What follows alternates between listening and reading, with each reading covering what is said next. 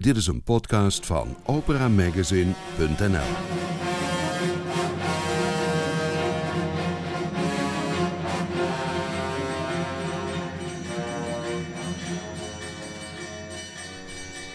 Welkom in Studio Nibelheim.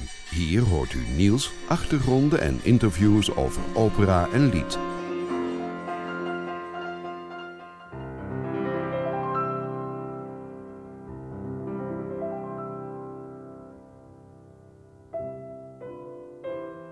Klaas-Jan de Groot speelde als kind piano, later orgel en werd als achtjarige lid van het Kampen Boys Choir. Met dat koor zong hij een aantal jaren in de Matthäus van de Nederlandse Bachvereniging. Dirigent Bouwe Dijkstra van het Kampen Boys Choir zag en hoorde talent. Hij zei van ja, ik denk dat je wel talent hiervoor hebt. En ik hoor dat eigenlijk vooral in de manier waarop je piano speelt. Want je speelt niet gewoon de noten, maar je speelt zo dat de zangers er echt iets aan hebben. Dat je de zangers helpt door je piano spelen. En hij zei, daar zit ergens wel een dirigent in verscholen. Maar ik weet nog steeds niet hoe hij dat op dat moment heeft kunnen zien. Maar uiteindelijk heeft hij denk ik wel uh, iets uh, juist gezien daarin. Klaas-Jan ontdekte zo het dirigeren. Studeerde aan het Koninklijk Conservatorium van Den Haag en deed later een master in Cardiff. Nog maar 27 is hij, met al een riant muzikaal cv.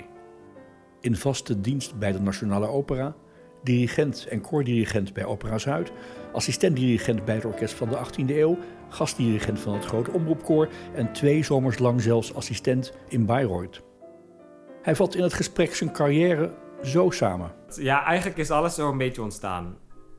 Ik kan niet zeggen dat de, de dingen die ik heel graag had willen doen, waarvan ik vroeger dacht die zullen wel gaan gebeuren, die zijn helemaal niet gebeurd. En veel dingen die, die nu zijn gebeurd, had ik nooit kunnen denken of maar kunnen dromen dat die zouden gebeuren. Dus het is eigenlijk allemaal een beetje zo ontstaan. Hij leest graag, vooral partituren. Ja, ik zit heel graag aan tafel met een partituur voor mijn neus. Dat is een, echt een heerlijke bezigheid. Studio Nibelheim reisde naar het centrum van Den Haag, vlakbij het Vredespaleis, voor een uitgebreid gesprek met Klaas-Jan de Groot. Bestaat zijn leven eigenlijk alleen uit klassieke muziek? Dat wilden we even testen. Ken je Sail van Armin van Buren? Nee. Sorry van Madonna? Uh, One Word van Anouk? Nee. nee. Interessant, want in die week dat die nummers in de top 40 stonden, was jij aan het zingen in Naarden bij de Matthäus Passion 2006. Terwijl heel Nederland luisterde naar die muziek, stond jij met een paar andere knapen van het uh, Kampen Boys Choir, stond jij in Naarden en je zong daar de Matthäus Passion. Waar is het fout gegaan? Dat je die muziek mooi vond en niet weet wie er in de top 40 stonden? Ja, dat is denk ik al heel vroeg fout gegaan. Namelijk bij mijn geboorte draaiden mijn ouders al barokmuziek. En dat is mijn hele jeugd al tot dat moment zeg maar zo gebleven. Dus um, ik denk dat ik uh, meer in de barokmuziek ben opgegroeid dan met dit soort muziek. Dus klassiek was leidend thuis? Ja, absoluut. Mijn ouders zijn groot liefhebber van vooral barokmuziek. Maar kreeg je dan niet op school gesprekken over andere soorten muziek? Of was er niet een soort soms wel minachting voor klassiek, waar jij dan kennelijk ook mee bezig was? Nou, op zich viel dat wel mee. Um, ik speelde toen al veel piano en zo. En uh, zeker later op de middelbare school waren er wel veel schoolgenoten en klasgenoten die uh, dat soort liedjes zongen. En die vroegen dan vaak, kun je dat spelen? Dus dan luisterde ik en dan schreef ik soms, maakte ik wat aantekeningen en dan voerde dat uit op... Uh, op bepaalde, ja, weet ik veel, uh, klasavonden of dat soort dingen. Dus uh, op die manier kwam ik toch een beetje daarmee in aanraking. Je had wat te bieden. Ja, nou ja, ik speelde graag en dat wist, dat wist uh, iedereen. En iedereen vond het ook leuk, jongen die het allemaal kon spelen en zo. Je kreeg al heel jong pianoles? Ja. En later kwam er orgel bij? Ja. Nou, ik wilde op dat moment eigenlijk orgel, omdat... ja, ik vond dat zo'n fantastisch instrument, dat enorme geluid en maar toen waren er verschillende mensen, en dat was heel wijs dat hij dat zeiden. Die zeiden: Het is eigenlijk beter om te beginnen met piano. En dan, dus voor je aanslag en de manier waarop je speelt, beter om dan daarna orgel te gaan spelen dan andersom. En um, dat is helemaal waar geweest. Dus daar profiteer ik nog steeds van. En ik ben inmiddels ook heel erg van de piano gaan houden, uiteraard. Maar toen kwam er de zang bij. En je kwam terecht in dat Kampen Boys Choir. Was het iets wat je zelf graag wilde of werd je door je ouders geplaatst? Dat ging in die tijd wel eens zo, denk ik, dat de ouders dan vonden dat kinderen er baat bij hadden om op een koor te gaan? Nee, wij, mijn oma was eigenlijk al fan van de jongenskoren van Bouwdijkstra. Met name het Rode Jongenskoor. Ehm, en toen kwam er in Kamp ook zo'n jongenskoor. En ik had al vaak wel die muziek ook gehoord van mijn oma en van mijn ouders. En ik had er wel eens gezegd van, oh, dat, dat lijkt me wel iets om daarbij te zingen. En toen kwam dat in Kampen. En ehm, ja, toen ben ik daarheen gegaan. En toen was ik meteen diep onder de indruk van het charisma en de muzikaliteit van Bouw Dijkstra. Toen dacht ik, ja, dit is wat ik wil. En omdat ik toen al noten kon lezen en zo vanwege mijn pianospel, ehm, werd ik toen meteen uh, meegenomen in het uh, uitvoerende koor, zeg maar. Ik hoefde niet de basisjaar te doen. Ehm, en al heel snel zong de Matthäus Passion in Aarde. Zo'n Matthäus is een hele lange zit. En ik kan me herinneren dat jongenskoren dat er ook wel eens wat spanning ontstond tussen het openingstuk en het O Mensch aan het einde. Dan zit er een hele lange zit in van meer dan een uur, denk ik. En je zag wel eens koorleiders wat moeite hebben om de jongens dan stil te houden of uh, op hun plek te houden. Nou, Bouwer Dijkstra was een enorm goede pedagoog en wist als geen ander met al deze jongens om te gaan. En die had bedacht dat het eigenlijk veel beter was voor de jongens als alle koralen ondertussen ook mee zouden kunnen zingen in het eerste deel. Dus hij vroeg dat vaak aan de dirigent en de meeste dirigenten zeiden dat is geen probleem, leuk. En dan zongen we alle koralen mee. Maar ik was iedere keer, ik vond dat zo fantastisch om, uh, om al die aria's en, en de koren te horen. In Blitzes in Donner was natuurlijk iedere keer een waanzinnig hoogtepunt. Na het eerste deel gaan de jongens uiteraard weg en in het tweede deel zitten de jongens niet. Maar omdat uh, er dan plaats was, bleef ik nog wel eens... Hadden mijn ouders dan zo geregeld dat ik bijvoorbeeld met mijn vader of met mijn moeder of met iemand anders... op die plek waar we eigenlijk dan eerst zongen, in het eerste deel, kon ik dan op het tweede deel luisteren. En, want ik was toen al echt, ja, het is een beetje raar. Misschien sommige jongen, en zeker in de puberteit, sommige mensen um, die later muzikus worden, die zijn helemaal gek van Wagner en van uh, andere later romantische muziek. En ik zat in die tijd meer bij Bach, Hendel en Boekstehoede en zo. Maar ik vond dat fantastisch. En vooral een Nederlandse Bachvereniging. De klank van de instrumenten en de zangers daar en de manier waarop daar muziek werd gemaakt. Ja, je kunt dat op die leeftijd niet echt beschrijven, maar ik vond dat zo fantastisch. En toen dacht ik, Jos van Veldhoven, ah, wat hij doet, dat is ook wat ik wil. En toen is al, al vrij jong is dat uh, zaadje geplant, zeg maar. Later ben ik ook bij hem gaan studeren. Je ging naar de middelbare school, maar je kwam terecht daarna op het conservatorium hier in Den Haag. Ja. Met wat voor beeld begon je aan die opleiding? Wat voor plannen had je als het ging om je beroepspraktijk voor later? Nou, het was eigenlijk zo dat ik toen ik 13 was of zo, heb ik besloten dat... Uh, dat wat Bouwer deed en wat Jos deed, dat dat iets voor mij was. En ik speelde natuurlijk toen dus veel piano. En dan vaak in de pauze uh, ging ik met een paar jongetjes die dicht bij mij stonden... nog een paar wat moeilijke plekken eventjes aan de piano doornemen. Of soms ook met een paar jongens... dat uh, stuurde Bouw ook heel erg aan om met een paar jongetjes even wat nog door te nemen. Zelf aan de piano zei van, oh, let op daar en daar. En toen dacht ik, ah, eigenlijk is dit heel erg leuk om een beetje spelen. Een beetje met andere mensen werken. Je bent niet altijd in je eentje, wat heerlijk is. En toen dacht ik, ja, dit is wat ik wil. Dus toen heeft Bouwen al uh, mij eerste dirigeerlessen gegeven. En want hij zei van, ja, ik denk dat je wel talent hiervoor hebt. En ik hoor dat eigenlijk vooral in de manier waarop je piano speelt. Want je speelt niet gewoon de noten, maar je speelt zo dat de zangers er echt iets aan hebben. Dat je de zangers helpt uh, door je piano spelen. En hij zei, daar zit ergens wel een dirigent in verscholen. Maar ik weet nog steeds niet hoe hij dat op dat moment heeft kunnen zien. Maar uiteindelijk heeft hij denk ik wel iets uh, juist gezien daarin. En toen uh, ben ik bij hem en bij het Camper Boys Choir begonnen met dirigeren. En daarna gaan studeren. Ja, het was gewoon mijn droom om met zangers te werken, met koren te werken. En uh, zeker oude muziek ook uitvoeren met instrumentale ensembles. Dat was mijn droom. En ik had niet echt heel concrete dromen van... ik wil, als ik 30 ben, wil ik daar en daar staan. Of dat had ik niet zozeer. Ik wilde gewoon heel erg graag muziek maken met andere mensen. En dat is altijd heel belangrijk voor mij geweest. Dat is wat me... Hoewel ik orgel een fantastisch instrument vind... en op een bepaalde manier qua instrument ook graag uh, misschien wel organist was geworden. Maar je zit altijd in kerkdiensten en je zit altijd in koude kerken in je eentje. Dat leek me vreselijk, vreselijk toekomstbeeld. Dus ik wilde heel graag met andere mensen muziek maken. En um, ja, tot nu toe uh, is dat gelukt.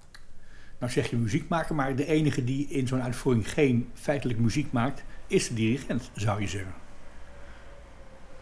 Ja, dat is wel zo, maar zo ervaar ik dat niet omdat je, als het goed is, en zo voel ik me ook, je voelt je zo verbonden met de muzici en met de muziek die op dat moment klinkt, dat je het echt samen maakt. Maar inderdaad, ik produceer geen geluid. Nee, dat klopt. Wat studeerde je op het consortium in Den Haag? Koordirectie hoofdvak en als bijvak orkestdirectie in piano. Je studeerde bij, onder andere bij Kenneth Montgomery, waar je afgelopen tijd mee hebt gewerkt, vorig jaar althans, bij het Orkest van de 18e eeuw. En hopelijk ook misschien wel weer dit jaar uh, mee aan de slag gaat. Wat zijn dat voor mensen als het gaat om inspiratie en om zeg maar, een voorbeeld te zijn voor jou als dirigent? Zowel Jos van Veldhoven als Kenneth Montgomery zijn enorme inspirerende mensen voor mij geweest. Toen ik 17 was, kwam ik op het conservatorium. Was ik net 17 in Den Haag. En hoewel ik natuurlijk een beetje achtergrond had in muziek en in koormuziek, was ik eigenlijk vrij blanco. En um, ja, daar kwam ik bij twee mensen die eigenlijk alles wisten. Ik, eh, dat, dat voelde ik ook echt. Je kon ze alles vragen en die hadden zo'n brede kijk op muziek. En, um, en Jos van Veldhoven probeerde niet zozeer mij de antwoorden te geven. En eigenlijk het ook. Niet zozeer van, uh, oh je hebt een vraag, hier is het antwoord. Maar meer, wat voor vragen kunnen we bedenken? En zo zat ik ook vaak met met Jos en ook met Kenneth gewoon met een partituur aan tafel. En dan bladeren gewoon. En dan de dingen die ons opvallen. En hé, hey, waarom is dit zo? Waarom is dat? En um, zij vroegen ontzettend veel vragen allebei. En vaak wisten ze natuurlijk zelf wel het antwoord.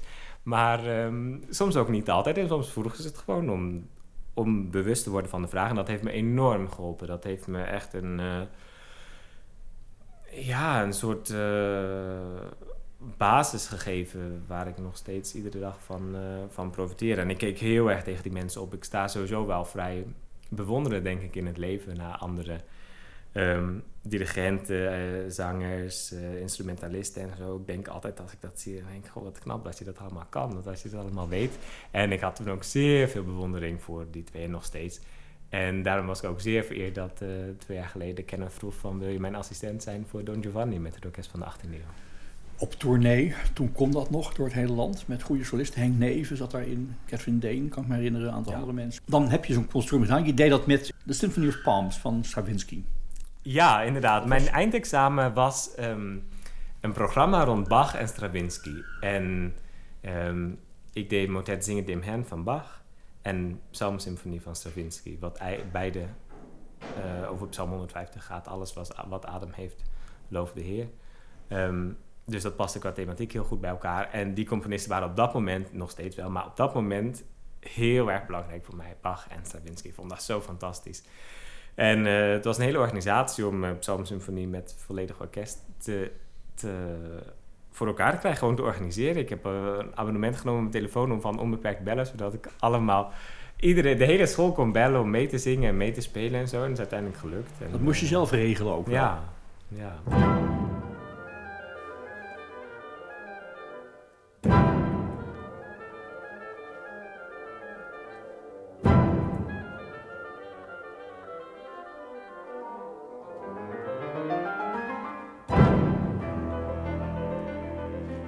Cellist kan heel veel cello spelen, een pianist kan heel veel piano spelen, een zanger kan onbeperkt zingen, maar een dirigent kan niet, althans niet zonder dat er een koor of een orkest bij is, onbeperkt dirigeren. Want die koren en orkesten zijn niet altijd beschikbaar. Hoe repeteer je dan? Hoe studeer je dan op je, op je techniek en je kwaliteit? Ja, dat is heel erg moeilijk.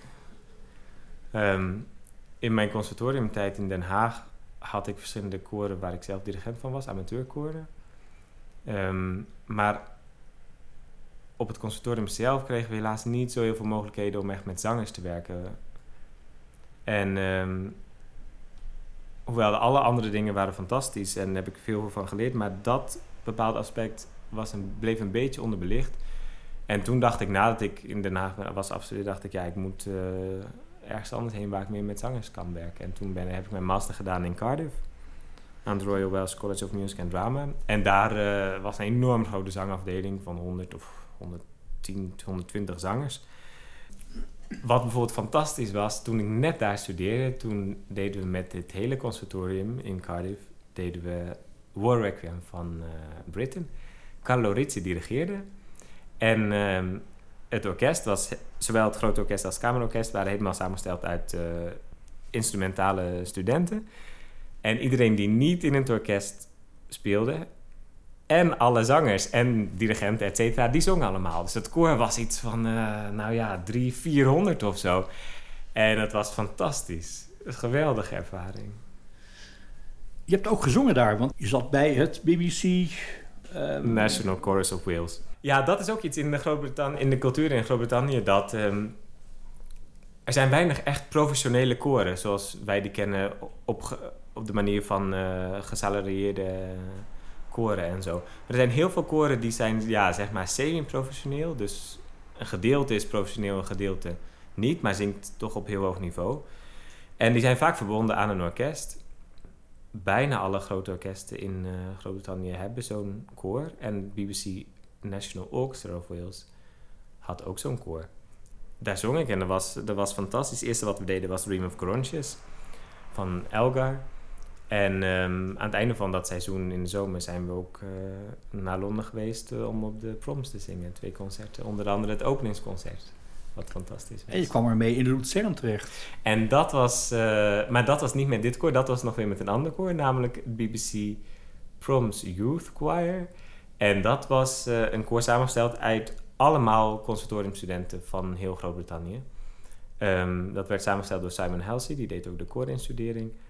En toen zongen we ook Dream of Grunches met de Wiener Philharmoniker onder leiding van Simon Rattle met concert in Birmingham, ook op de proms en in Luzern in KKL. En dat was ook een fantastische ervaring met Wiener Philharmoniker en sowieso. Um, Dream of Grunches is een fantastisch stuk. Dat is zo mooi, mooi, mooi werk voor, uh, voor koor, orkest en solisten. En heel veel invloeden van Wagner eigenlijk. Dus dat was een fantastische ervaring. Zullen we een stukje laten horen van Elgar's Dream of Gerontius, moet je zeggen?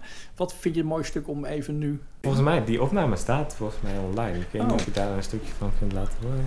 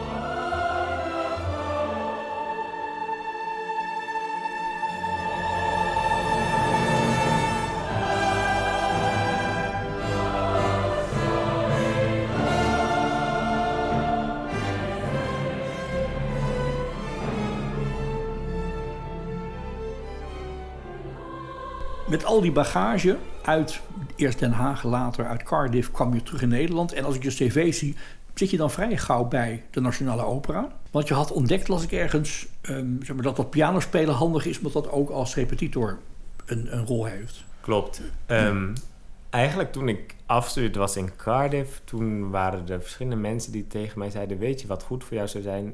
Om een tijdje je met opera bezig te houden. Je kunt goed piano spelen en in, vaak is in de operawereld is piano spelen en dirigeren dus een combinatie die vaak gemaakt wordt. En je kunt in opera heel veel dingen leren die, uh, die je op andere plekken niet zozeer tegenkomt of niet hoeft te ontwikkelen. En ook al doe je verder nooit meer iets met opera, het zou heel goed zijn om daar een tijdje je mee bezig te houden. Toen dacht ik, ja, dat is eigenlijk wel een goed idee. En toen ben ik in het talentprogramma van Nationale Opera, toen heette het nog talentprogramma, nu is het natuurlijk de, er de Opera Studio. Um, ben ik toen begonnen, gewoon met begeleiden van uh, ja, zangles eigenlijk. En toen al snel masterclasses. En toen in datzelfde seizoen deed datzelfde opera talentprogramma Il Matrimonio Segreto van Cimarosa. En toen zocht ze een assistent-dirigent en toen uh, werd ik dat. Het is bijzonder, want heel veel zangers die hebben hun opleiding gedaan en moeten dan als een dolle door Europa gaan reizen om daar een plek te gaan vinden in een studio of een engagement. En jij stapt bijna zo van je opleiding zo het letterlijk grote podium van Amsterdam op. Was dat omdat je, dat je talent herkend werd of heb je gewoon je enorm ingewerkt en enorm je best gedaan om daar die plek te veroveren? Nee, dat, eh, dat Nee, ik kan niet zeggen dat ik enorm hard heb gevochten. Ik heb wel, ik heb heel erg mijn best gedaan voor de dingen die ik deed. Maar het was vooral dat andere mensen dachten... oh, nou, volgens mij die Klaas-Jan, die, uh, die kan dat wel. Of die kunnen we daar wel voor vragen. Wist je waar je aan begon? Want je stapt dan ineens in die grote wereld. Nou, achteraf denk ik wel hoe, wel eens... hoe heb ik die eerste productie eigenlijk zonder ervaring... hoe heb ik dat gedaan? Maar op een bepaalde manier was het voor mij waren dingen ook wel gewoon logisch. Er waren ook eh, zangers die bepaalde plekjes niet helemaal uh, nog kenden. En dan ging ik daar aan de piano mee werken. En um, als de dirigent er niet was, ging ik, uh, nam ik het over en dirigeerde ik. Nou ja, dirigeren kon ik, had ik ook geleerd. Dus voor mij was het eigenlijk allemaal op een bepaalde manier wel, wel logisch. En als het orkest te hard was, dan schreef ik op dat het orkest te hard was. En dat zei ik de dirigent. als ik dacht van hier hier spelen de trompetten wel erg luid. Dan zei ik, de trompetten spelen hier te luid. En uh, als een zanger een beetje achter was, dan zei ik tegen de zanger, let op, op die plaats. Um, dat je een klein beetje eerder inzet. Dat soort dingen. Dus op een bepaalde manier, door goed te luisteren, uh, kwam ik eigenlijk een heel eind die rol van die dirigent, die kennen we als publiek wel. Die zien we ook, hè? al dan niet wat verstopt in een orkestbak. Maar de assistent-dirigent, die zie je bij de repetitie vaak door de zaal heen lopen... en achteraan luisteren en vooraan luisteren. Maar hoe werkt die verhouding met de hoofddirigent, die ook altijd vooraan... we hebben hier wat programmaboekjes liggen van dingen die je daar gedaan hebt. Elio Cabello, Jefta, Parsifal, Judita Triumphant. Allemaal waar je een rol hebt gespeeld als repetitor, als koordirigent, als assistent van de dirigent. En je combineert natuurlijk nooit assistent-dirigent met koordirigentschap. Dat is geen... Ja, af en toe. Dat was het leuke. Bij Opera Zuid heb ik dat gedaan in een paar producties. Oh, toch? En met name staat me daarbij Un Ballo in Mascara. Um, was ik assistent-dirigent en koordirigent. En eigenlijk is dat een heel interessante en leuke rol. Want soms denk ik, ah, hier moet het koor een beetje luider zingen. Of een beetje meer richting de zaal draaien. En dan denk ik, nee, op andere plek denk ik, nee, hier moet het orkest toch echt zachter. En dan kun je dat zelf allemaal uh, bepalen. Dat is echt ideaal. Of hier denk ik van, ah, de balans tussen de solist en het koor is niet helemaal goed. Dan kan ik gewoon gaan naar wie ik wil. Als je alleen voor het koor verantwoordelijk bent, dan moet je een beetje oppassen met de solisten. En andersom ook. Dus uh, die rol was ontzettend leuk. En het leukste was toen... Um, uh, de omstandigheden waren heel naar, maar er, het ontstond zo dat ik één voorstelling overnam om te dirigeren. En um, toen aan het einde van de eerste acte stonden alle solisten op het podium. En ik stond in de orkestbak te dirigeren, het orkest. En toen kwam het koor op en toen dacht ik, ja, dit is toch fantastisch. Met mijn eigen koor op het podium. En dat, mijn eigen koor te dirigeren, zeg maar, dat, vond ik, dat was zo'n fantastisch moment. Want dan combineer je het assistent-dirigentschap, wat dan leidt tot als de dirigent om redenen afwezig is, dat jij invalt. Dat is ook de, de, de, de gedachte dan. Je hebt dat koor geleid, Um, Uitvoerig met de solisten gewerkt. Dan ben je echt even helemaal de baas, hè? ja, dan komt, dan komt alles bij elkaar. En dat is, uh, ja, dat is een ongelooflijk uh, gevoel. En een jaar later heb ik een paar voorstellingen van Fantasio, van Offenbach, ook gedirigeerd bij Opera Zuid. En dat was net zo, want je weet dan, het koor weet, kent mij dan zo goed en je weet precies waar het koor een beetje uh, gaat uh, vertragen of een beetje gaat versnellen en zo. En, dan, ja, dat is, dat zo leuk als je dat weet. Ja, om dat allemaal samen te doen, dat is fantastisch. Dus ja, dan uh, heb ik die. Dat, ja, eigenlijk is alles zo een beetje ontstaan. Ik kan niet zeggen dat de dingen die ik heel graag had willen doen, waarvan ik vroeger dacht, die zullen wel gaan gebeuren, die zijn helemaal niet gebeurd. En veel dingen die, die nu zijn gebeurd, had ik nooit kunnen denken of maar kunnen dromen dat die zouden gebeuren. Dus het is eigenlijk allemaal een beetje zo ontstaan. Je hebt ook in Bayreuth gedirigeerd. En als we het over Wagner hebben, is dat natuurlijk echt wel het Walhalla. Ik was twee zomers um, assistent koordirigent in Bayreuth. Zou afgelopen zomer daar ook zijn geweest. Had ook een contract, maar dat ging uiteraard niet door vanwege corona. We moeten maar zien hoe het aankomende zomer eruit ziet. Maar um, ik was er in 2018 en 2019. Ja, ik kan wel zeggen dat waren de meest fantastische zomers uit mijn leven. Ik had Parsifal en Tristan nou in Amsterdam geassisteerd. Maar nieuw voor mij waren Meisterzinger, Lohengrin en Vliegende Hollander. En het assistent-koordirigentschap daar betekent dat je um, eigenlijk alles offstage meedirigeert. En sommige dingen echt offstage dirigeert. Maar ook alles op de piano speelt tijdens de koorrepetities. Dat was uh, even hard studeren, die uh, Meisterzinger Lohengrin en Vliegende Hollander.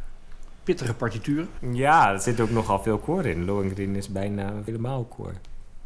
Maar vertel eens hoe, hoe, dat in Bayreuth, want daar kom je dan aan, in dat plaatsje in Zuid-Duitsland. Hoe begint dat? Hoe word je ingewerkt? Zijn er tientallen assistenten dan, of bij de enige? Of? We zijn in Bayreuth met vier uh, assistent koordirigenten. Dus één koordirigent en vier assistenten. En dat is ook nodig, omdat um, Parsifal is een stuk wat echt voor het Festspielhaus in Bayreuth geschreven is. En daar is het koor verdeeld over drie hoogtes eigenlijk. De mannen, de Graalsritters, staan beneden op het podium. En dan is er een groep wat halverwege de koepel staat en een groep die bovenin de koepel staat. Dat is wat Wagner voorschrijft, althans in Parsifal. Het verschil is daar niet zo groot qua, echt qua hoogte, maar zijn wel op andere plekken in die koepel. En ehm, dat betekent dus dat er twee mensen beneden staan te dirigeren en twee mensen op verschillende plekken boven. Dus die assistenten zijn ook echt, uh, is echt nodig. En um, het is een, koepel als een soort uh, koepel van een kerk, zeg maar. Dus eh, het is nogal hoog en dat klinkt ook fantastisch. Ja, dat is heel bijzonder om daar te staan, om dat, uh, om dat koor te dirigeren. Gaat het dan met monitor of kun jij ze ook rechtstreeks zien en ze kunnen zij jou zien? De, de zangers, de zangers? Oh, de zangers. Nee, de zangers. Ik sta vlak bij de, bij de zangers. Ja, voor de heurste heur, zoals dat dan heet, um, moet je met de lift en dan nog een trappetje op en dan door een klein deurtje. En dan is daar de ruimte voor uh, waar je dan staat. En daar is, uh, ik heb dan een monitor uh, waarop ik de dirigent kan zien en een koptelefoon op waarop ik het orkest kan horen. Ik sta dan met een lampje, want het is natuurlijk donker. Dus ik sta dan met een lampje te dirigeren en dan zingen de zangers daarop. Dus terwijl die mensen in die zaal op die houten banken, die stikhete zomers die altijd in Bayreuth zijn, geloof ik, dat niet zien, ben jij daar druk aan het werk achter de schermen om dat koor goed in te laten zetten en hun partij goed te laten zingen? Wat voor, wat voor, wat voor andere traditie, wat voor andere sfeer werkt daar achter de schermen dan je, je bent Nationale Opera gewend, Opera Zuid. Hoe is die wereld achter de schermen in Bayreuth? Het grote verschil is natuurlijk dat de Bayreuth Festspielen een zomerfestival zijn. Dus iedereen komt daar vanuit zijn eigen woonplaats, vanuit zijn eigen land, komt daar die zomer om daar te werken. Dus je hebt daar uh, je leven ook echt samen, zeg maar. En het gebouw is kleiner dan Nationale Opera, tenminste uh, zeker, uh, zeker achter, de, achter de schermen. En er is een kantine en buiten de, een kantinetuin, zeg maar, waar iedereen door elkaar zit. Zangers, figuranten, dirigenten, de grootste solisten, et cetera. Dus de sfeer is eigenlijk is, is fantastisch. Iedereen is samen, je bent er allemaal samen om die muziek te maken. En het huis is, uh, je refereerde net al aan de wat Spartaanse stoeltjes voor het publiek, die ook heel dicht op elkaar zitten. Dus heel lastig voor coronatijden. En achter de schermen is het eigenlijk ook allemaal vrij um, ouderwets. Er is geen airco. Um, alles is zoveel mogelijk in, intact gelaten zoals het vroeger was. Het, het uh, gordijn bijvoorbeeld gaat niet automatisch open en dicht. Dat zijn echt mensen die eh, aan de touwen, touwen trekken om het te laten vieren. En dan gaat het gordijn dicht en weer aantrekken om het open te doen als de volgende acte begint. Het moet snel bij Wagner Ja, het is ook een heel apart Bayreuth uh, uh, gordijn wat Wagner zelf heeft, heeft ontworpen. Misschien wat muziek. Wat, heb je een herinnering aan een moment... Want je zit dan in dat prachtige theater met die beroemde orkestbak... waar mensen allemaal al van in tranen raken als ze het horen vanuit de zaal. Hè? Dat, um, heb jij zo'n moment waarbij je dacht... oh, dit vind ik zo ultiem? Ja, er zijn verschillende... Het is moeilijk om één fragment te kiezen, omdat... Kijk, Parsifal is echt geschreven voor, die, voor, het, uh, voor het Festspielhaus. Dus om het daar te horen heeft ongelooflijke indruk te gemaakt op mij. Uh, mijn eerste productie daar... Tenminste, de, nieuwe productie toen was Lohengrin in mijn eerste seizoen. Uh, met Tieleman, dat gedirigeerd door Tieleman. Dat was ook een fantastische ervaring. En heel speciaal, en daar kunnen we misschien eventjes naar luisteren, is het einde van de tweede acte finale van Tannhäuser. En Tannhäuser werd gedirigeerd door um, Gergiev. En aan het einde van de tweede acte zit uh, mannenkoor op toneel en uh, grote ensemble van solisten. En dan helemaal aan het einde uh, zijn er 16 maten a cappella dameskoor. En dat is offstage, dus niet op het toneel, maar net achter het toneel. En ik moest dat vaak dirigeren. En met Gergiev, Gergiev is uh, een heel bijzondere en zeer inspirerende dirigent. Alleen met dat soort dingen als offstage weet je nooit of die echt mee gaat dirigeren. Het is natuurlijk sowieso niet iemand die heel duidelijk 1, 2, 3, 4 dirigeert, maar uh, op een andere manier dirigeert. En, maar ik dacht, ik kijk gewoon wel naar hem op mijn scherm, op mijn monitor. En ik zie wel of hij, hij iets doet. En ik keek naar hem en hij deed niet echt iets, maar hij straalde toch iets uit met zijn handen en met zijn hele manier van zijn. Dat ik dacht, ja, ik begrijp wel wat je bedoelt. En ik voelde me daardoor nog geïnspireerder om nog langere lijnen en nog mooier uh, dat offstage uh, koor te dirigeren. En uh, ja, dat dat zelfs door zo'n monitor kan, dat was wel fantastisch. Dus dat was een ongelofelijke ervaring. Want jij dirigeerde die 16 maten. Ja, ja. En dan is het helemaal stil. Het orkest, niemand speelt dan. Dus dat is voor mijn, voor mijn beroep, zeg maar, in, de, voor, in deze functie als assistent corrigent, is dat een fantastisch moment. Dat, daarvoor is dus, dus finale tweede acte. Uh, orkest speelt luid, zangers zingen steeds luider. Iedereen komen steeds meer zangers bij, et cetera, et cetera. En dan helemaal aan het einde komen van ver weg de dames verstilling. En daar staan wij dan, uh, daar sta ik dan te dirigeren met, die, met de dames die zingen. Dat is een fantastisch moment. Er zijn opnamen van, maar ik zal proberen of we bij de Nationale Opera de opname van Tannenhoy zou mogen lenen, waar jij als assistent koordirigent bij betrokken was in april 2019.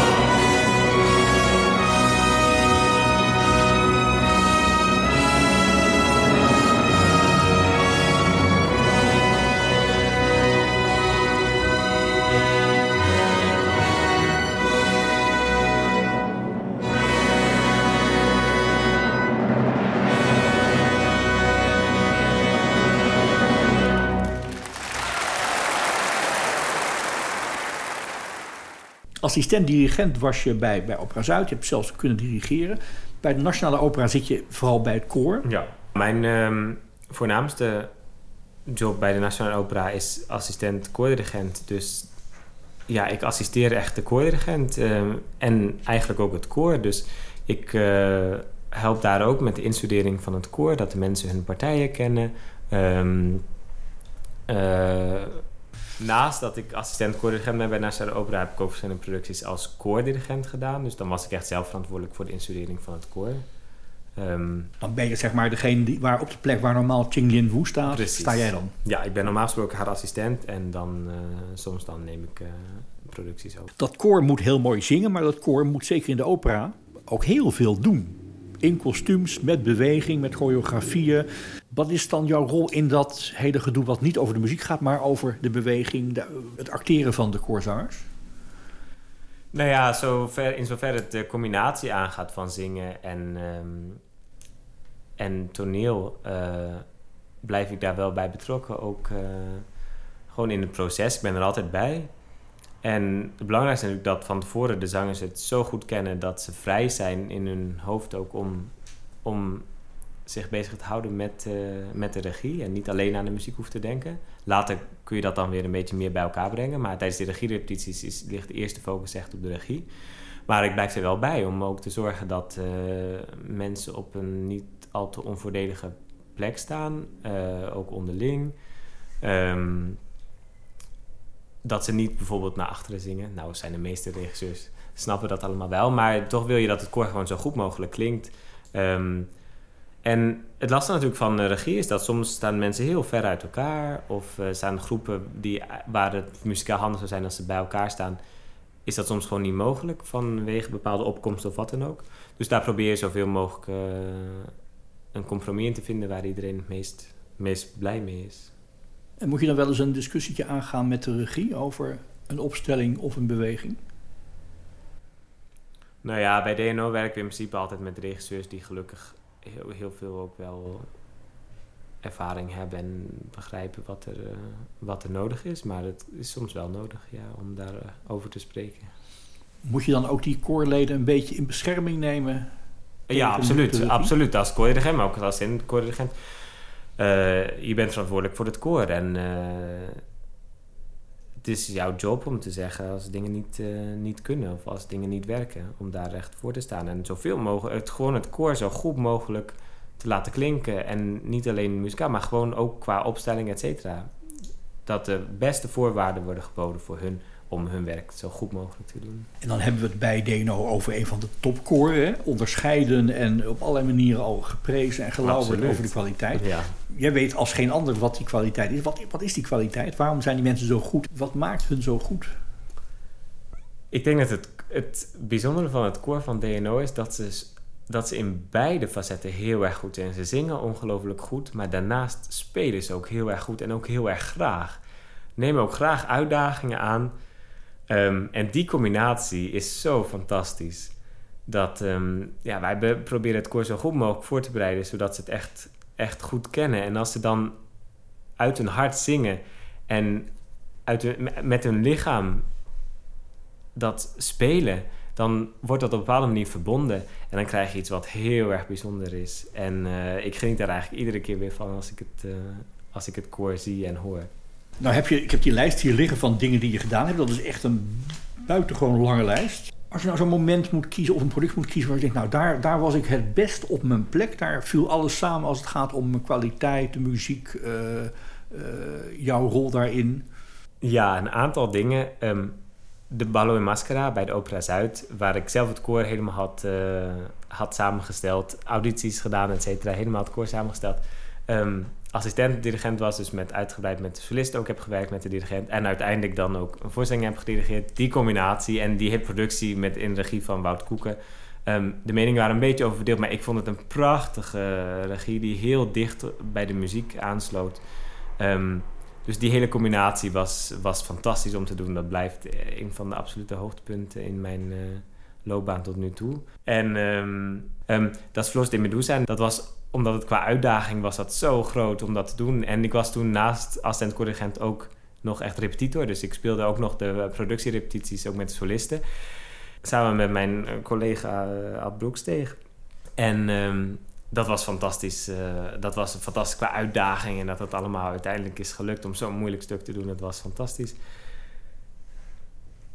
En ik voelde me ook heel erg thuis in de Don Giovanni met, uh, met Kenneth Montgomery. Ik vond het fantastisch om hem te assisteren en om, om tussen al die partijen staan, het orkest, hem te assisteren, met de zangers uh, te helpen en tips te geven van, uh, ja, hier, let op, hier kan het een beetje meer zus of zo. En als je dan je zo vrij voelt om gewoon met mensen echt te werken en dat mensen het ook fijn vinden als je met hun meedenkt dan voel je je ook heel erg gewaardeerd. En, en die combinatie is fantastisch. Zeker als dat met zo'n orkest kan als orkest van achter eeuw. En daar Mozart mee te horen is natuurlijk fantastisch.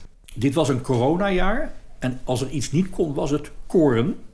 Behalve voor beroepskoren. Daar werd uiteindelijk nog uh, gewerkt, gerepeteerd. Ja. Je hebt video's gemaakt voor de Nationale Opera. De Christmas Carols ja. heb je gedaan. Dus gek genoeg, waar geen enkel koor kon zingen, konden beroepskoren dat wel. Ja. En dat gebeurde ook gelukkig wel. Onder andere het Groot Omroepkoor, hè, waarbij je recent heb je Jenova gedaan uh, in de matinee. Maar daar ben je begonnen in april 2019. Ook weer ingerold, want dat is een beetje jouw verhaal geloof ik, dat je er inrolt en ineens voor het koor staat. Ja, klopt. Eigenlijk wel, ja. Hoe begin je bij zo'n koor? Als je daar, daar moet je binnenkomen, dan moet je een bepaalde moet iets neerzetten. Ik sprak een van de koorleden trouwens, waar je als mee hebt gewerkt. En die zag door de jaren heen bij jou een soort van groei in overtuigingskracht, uh, zeg maar uitstraling. Altijd goed voorbereid, zei hij. Altijd uh, ook open voor wat het koor vond van een bepaald werk. Dat is een beetje de typering die ik hoorde van een koorlid.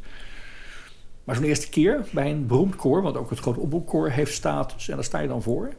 Ga je dan een heel verhaal houden over wat we gaan doen met z'n allen? Nee, ik geloof niet dat mensen het over het algemeen heel erg waarderen als je te veel praat als koordirigent. En dat is soms jammer, omdat ik me altijd probeer heel erg uitvoerig voor te bereiden. En ook heel veel te weten over het libretto en over de achtergrond en over de rollen van het koor die zij hebben in het verhaal.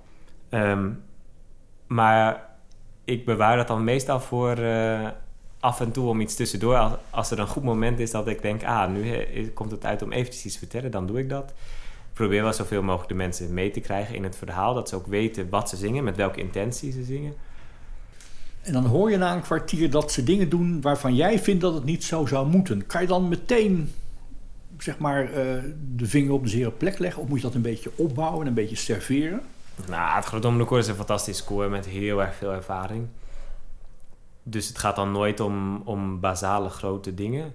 Um, maar het gaat over mijn idee in dit geval over hoe een koor in Verdi zingt. En er is natuurlijk een bepaalde stijl. Nabucco is een jonge Verdi, dus je zit dan nog heel dicht eigenlijk bij Bel Canto.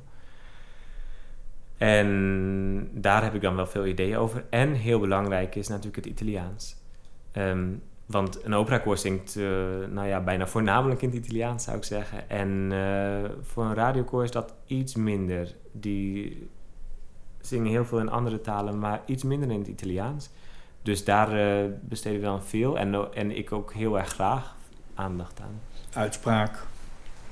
Uitspraak, um, maar ook gewoon de, de combinatie van hoe je bepaalde technische dingen uit de tekst, uit de taal op welk moment in de muziek kunt doen. Alsof als iets snel is, moet je iets, hetzelfde woord anders, anders timen dan als het langzaam is. Ehm, en dat vind ik ontzettend leuk om aan te werken, omdat het uiteindelijk dan ook heel erg echt Italiaans gaat klinken. Nu heb ik altijd een taalcoach erbij die mij helpt. Een echt Italiaans iemand die uh, daarnaast ook zanger is. Dus die dan daar uh, heel erg in helpt. Maar het is ook belangrijk dat je als dirigent dat daar zelf ook zoveel mogelijk van weet. Vandaar ook dat die voorbereiding die je hebt gedaan, hè, waar je ook iets over zegt, dat die ook zo uitvoerig is. Ja, ik vind dat ook heel erg leuk. Ik vind dat je als dirigent echt moet weten op iedere pagina, als er een vraag komt van het koor, van wat, uh, waarom zingen we dit hier of waarom zingen we dit zus, um, dan moet je het echt weten. In uh, afgelopen september deed ik Il Piccolo Mara met Groot Omroepkoor. Voor de matinee? ja, de, de opening van het zaterdag matinee seizoen. Um, en dat verhaal speelt zich af eigenlijk uh, ten tijde van de Franse Revolutie. En er waren allerlei dingen waarover we zongen, uh, waar, waarover ik in eerste instantie dacht van, wat zingen ze hier? Op een gegeven moment ging het over de achtste dag en de negende dag van de week. En ik dacht, wat is dat allemaal? En toen heb ik natuurlijk, ben ik weer teruggegaan naar de geschiedenisboeken. En uh, werd ik er weer aan herinnerd dat in de Franse Revolutie men een kalender had van weken van tien dagen. Een maand van drie weken en tien dagen, omdat de Gregoriaanse kalender natuurlijk op dat moment uh, niet gewenst was. Dus uh, dat soort dingen kom je dan tegen. En ik vind het belangrijk dat je dat allemaal weet. Dus ik probeer zoveel mogelijk te weten. Mocht je er een vraag over krijgen, dan uh, moet je het kunnen beantwoorden. Vinden. En dan omgekeerd, als je een heel nieuw stuk aan het bestuderen bent en je begint aan een nieuwe productie met een nieuw repertoire wat je nog niet kent, heb je dan een procedure om daarin te komen? Ik begin altijd met het libretto te lezen en te vertalen. En ik schrijf dan de vertaling in.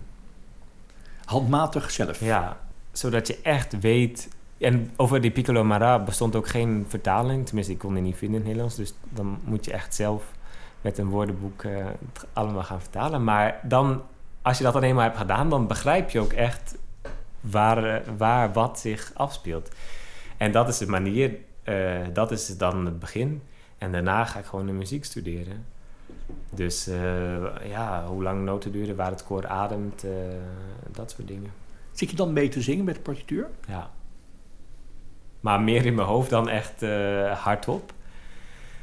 Maar um, ja, ik zit heel graag aan tafel met een partituur voor mijn neus. Dat is een, echt een heerlijke bezigheid. En in de trein ook eigenlijk altijd. Ik neem dan zo'n partituur eigenlijk altijd mee naar overal waar ik heen ga. Wanneer weet je dat je hem hebt, dat je hem in je systeem hebt? Dat, dat, dat, het is een pak papier, het zijn heel veel noten. Er zit heel veel omheen, zoals je vertelt. Wanneer weet je dan dat je een partituur in je vingers hebt? Nou ja, kijk, als ik uh, assistent koordirigent ben, dan speel ik ook heel veel. En dan moet je het ook nog pianistisch gewoon heel erg goed voorbereiden. Dus dan zorg ik ook dat ik, als ik dan gewoon weet dat ik op een gegeven moment uh, het zelfs in de meest belachelijke tempo's gewoon goed kan spelen, dan weet ik dat ik dat ken. Maar als, als ik koordirigent ben, zoals bij het Groot en ook de productie die ik bij DNO heb gedaan, um, dan um, weet ik van mezelf dat ik het ken als ik het uit mijn hoofd ken. Dat is een beetje raar misschien, maar als ik, als ik mijn ogen dicht doe en dan denk van, oh ja, dan komt dat en dan komt dat, uh, dan denk ik, oh ja. En mijn doel is altijd om zonder partituur te kunnen repeteren. En soms lukt dat en dat is fantastisch. Dan, dat, doe ik, dat is een beetje een hobbytje van mij. Ik doe dat graag. Uh, om dan voor mijn lessenaar te gaan staan en dan zonder partituur een paar minuten te repeteren. Maar ik denk, ik, dat is een van mijn dingen die ik verder wil ontwikkelen. Mijn eigen geheugen. Dat is... en dan, maar dan weet ik in ieder geval dat ik het goed ken. Ja. Wat maakt het beter als je dat boek er niet bij hebt? Omdat het fantastisch is om de mensen aan te kunnen kijken. Zodat je, natuurlijk doe je dat ook wel als je het boek erbij. Maar het zou niet zo moeten zijn dat je meer in je boek kijkt dan de mensen aankijkt. En als er helemaal geen partituur meer voor je neus ligt, dan heb je echt direct contact met de mensen en zie je veel gauwer wie het wel en niet kent, et cetera. Het was een bijzonder jaar, 2020 eh, vanaf 12 eh, maart. Dat jaar eindigde vorig jaar met een aardig succes als het gaat om een beurs die je kreeg. Ja, ik kreeg van het Kerstjesfonds, een fonds voor dirigenten, jonge dirigenten en jonge violisten. Ehm, de directiebeurs voor 2020. En ehm, dat is een bedrag van 15.000 euro waar, uh, die je kan gebruiken voor, voor ontwikkeling en studie. Ehm, en voor het verder opbouwen van mijn carrière. Dus ik ben het fonds erg dankbaar voor deze mogelijkheid. En heb de komende drie jaar de tijd om daar uh, gebruik van te maken. Weet je dan al waar je dat geld aan kunt besteden? Ik heb wel veel ideeën, alleen door de coronasituatie met het reizen en zo is het allemaal erg lastig. Dus um, het, we moeten, ik moet nog eventjes geduld hebben. Ah. En hoe gaat het verder? Want er zijn allerlei dingen afgezegd. Eh, DNO heeft zijn programma al helemaal moeten omgooien voor de komende maanden. Zie jij dingen die gaan lukken of die gaan gebeuren in jouw agenda? Ja, ik kan er niet echt over de nabije toekomst kan ik niet echt. Uh, er is gewoon niks zeker nog. Um, ik, nee, ik zou uh, nu ook in het voorjaar Liebesverbot van Wagner doen, assisteren bij Opera Zuid en het koor ook instuderen. Um, maar dat gaat niet door. En bij DNO is het ook allemaal nog zeer onzeker wat, uh, wat de komende maanden en ook uh, na de zomer wat het gaat brengen. En de zomer in Bayreuth is ook, is ook de vraag. En dan in het najaar uh, zou ik dan weer bij het Orkest van Nacht en Nieuw assisteren, het. Ja, ik en daar ook een, een voorstelling van dirigeren, van een concert. Ik hoop dat het doorgaat. Het is een beetje de vraag aan zangers van de droomrol. Hè, van wat moet er zeker nog gebeuren in je loopbaan? Is er zoiets waarvan je zegt, nou... Nou ja, van de Wagners heb ik Götterdämmerung nog nooit uh, aan meegewerkt. Dus dat is sowieso een droom. En van het andere repertoire? Oratorium kan daar ook bij horen of uh, andere vormen van, uh, van, van Nou, grappig genoeg, langzamerhand um, ontstaat steeds meer bij mij de innerlijke behoefte om toch weer meer oude muziek te gaan doen. Ik wil absoluut bij het repertoire blijven wat ik nu doe. En dat vind ik fantastisch. Um, maar ik mis toch heel erg de oude muziek waar ik vandaan kom. En ik weet nog niet precies hoe ik dat het beste kan vormgeven, maar ik wil zeker in de toekomst als meer misschien een zijpad, maar uh, ook weer een beetje meer oude muziek gaan doen. Want die, ik heb dat denk ik gewoon nodig. En waar denk je dan aan? Ik denk aan de opera's van Handel en aan de passies en aan de hohe messen van Bach. Zo'n echte eigen Matthäus Passion onder jouw voorwaarden met je eigen gekozen solisten. Ja, dat is al van jongs af aan een droom eigenlijk. En wordt het dan op zo'n Bachvereniging klein of wordt het groot met een groot koor en uh, pittig aantal solisten? Het wordt op zijn Bachverenigings maar iets groter wel. Met een echt koor. Dus 2021 wordt ook gewoon een lastig jaar voor iedereen in de muziek en dus ook voor jou. Je noemde oude muziek, maar dat andere repertoire, wat zijn nog dingen waar je aan denkt voor je toekomst? Want je bent nog 27 nou, dus nog Ja. heel jong. Ja, verder wil ik gewoon heel graag verder met de carrière die ik nu ben begonnen. Verder uitbouwen, mijn dirigeercarrière. eh, met koren en eh, in producties. En ik zou heel graag ook meer in het buitenland willen gaan werken. Koorleiderschap bij een operahuis. Dat zou een absolute droombaan zijn. Heel veel zangers denken dan aan Duitsland. Denk je ook aan Duitsland? De zomers in Bayreuth waren fantastisch, dus ik zou ook graag naar Duitsland willen.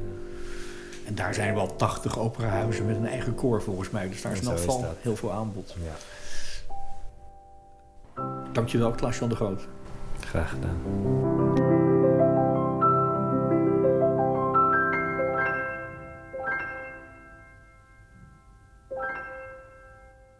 Dit was Studio Nibelheim, een podcast van operamagazine.nl.